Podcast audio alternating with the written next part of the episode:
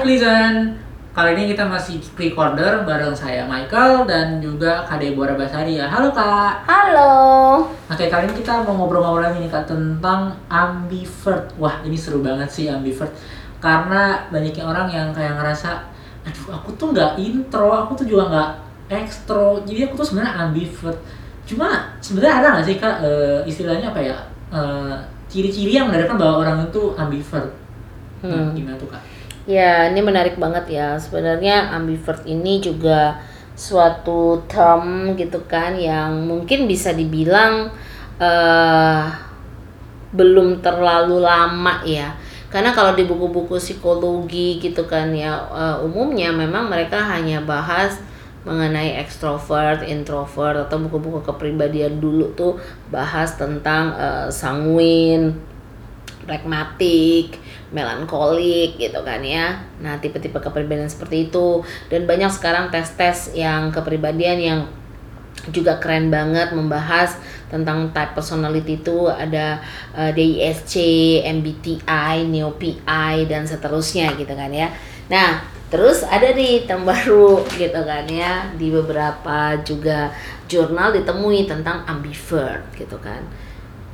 Well, kalau dibilang ada, ya ada gitu. Karena tidak mungkin itu eh, term ada ketika eh, tidak ada case-nya gitu. Di mana seseorang itu merasa bahwa dirinya eh, bisa gitu kan ya di segala situasi mau diajak heboh bisa, mau diam sendiri juga bisa gitu kan ya mau eh, apa pun juga bisa kesannya tuh adalah eh, semua bisa gitu dan tidak membuat dia merasa eh, tertekan atau apa. Yes, that's what we call ambivert people.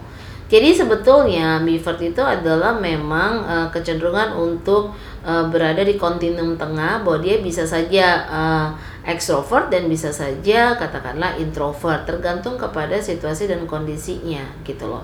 Tetapi biasanya itu pun juga membuat yang bersangkutan bisa saja lelah gitu loh. Jadi sebenarnya eh, bagaimana gitu.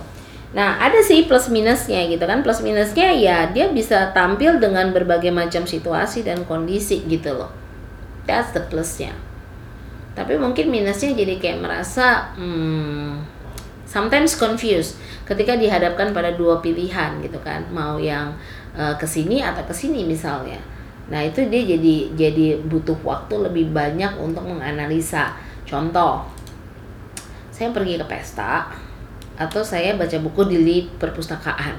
Padahal sebenarnya saya lebih lebih kepinginnya untuk eh, tenang gitu. Tapi ini ada teman yang ngajak gitu kan. Kalau orang introvert mungkin akan exclude yang ini eh, apa namanya akan ikut aktivitas yang menurut dia lebih nyaman baca buku misalnya.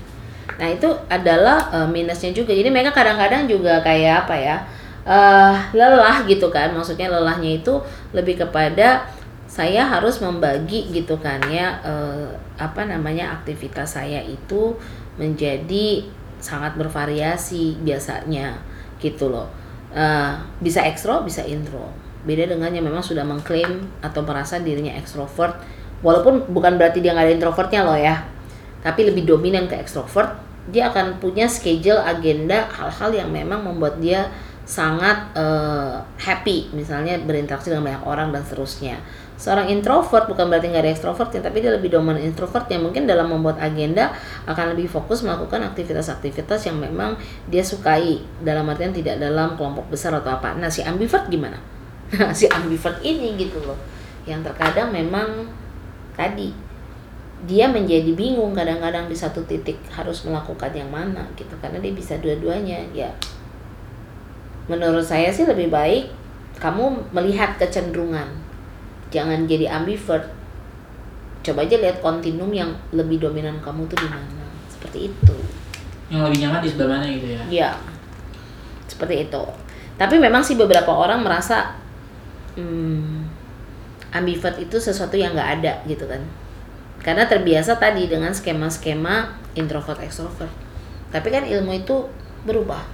Dinamis gitu loh ada juga orang yang merasa mungkin belum menemukan identitas dirinya so dia bisa mengatakan saya ekstro dan intro gitu loh seiring dengan pengalaman atau bertambahnya usia dan penemuan jati diri mungkin dia akan lebih clear dia itu ekstrovert ataupun introvert gitu Tapi MBTI itu sebenarnya akurat gak sih kak? Karena aku sendiri kan juga tes ya. Waktu itu dulu aku tes itu dapetnya tuh i apa gitu. Pokoknya depannya intro. Terus habis itu aku nggak baru nggak berapa namanya tes lagi kan. Dan ternyata hasilnya justru ekstro. Makanya itu kadang aku kaget. Dan kalau nggak salah tuh persentasenya aku itu sekarang itu 68% ekstro, 32% intro. Itu kalau nggak salah ya. Itu sebenarnya emang MBTI itu sebenarnya akurat atau emang sebenarnya intro ekstro itu kita bisa berubah-ubah nggak sih kak? Hmm. Nah, jadi MBTI itu kan dari Myers-Briggs, ya. Nah, itu penemunya memang katakanlah keren banget gitu mencoba untuk memetakan gitu kan kepribadian seseorang dan kecenderungannya ada di mana. Kalau tadi Michael bilang dulu mungkin introvert, sekarang extrovert. Sebetulnya kan kepribadian manusia dipengaruhi juga oleh lingkungan. Jadi, bisa jadi lingkungan kamu sekarang itu yang membuat memang kepribadian kamu itu menyesuaikan dan kamu menjadi lebih extrovert than before dari sebelumnya. Jadi kalau dikat- dikatakan akurat atau tidak akurat, akurat sesuai dengan situasi dan kondisi saat ini. Gitu loh. Tapi balik lagi nih, misalnya mungkin dua tahun ke depan atau tiga tahun ke depan, kamu berada dalam pekerjaan yang berbeda dengan sekarang, dan kamu memutuskan untuk tes lagi MBTI bisa jadi gitu loh itu juga berbeda gitu kan jadi dengan kata lain peran lingkungan juga cukup besar loh terhadap kepribadian seseorang ya kan pekerjaan itu juga bisa mempengaruhi kepribadian seseorang gitu so dengan kata lain akurat untuk situasi dan kondisi saat tes itu dilakukan seperti itu Berarti intro, ekstro atau ambi itu bisa berubah-ubah ya kan? Nggak, maksudnya hasilnya nggak bakal menetap gitu.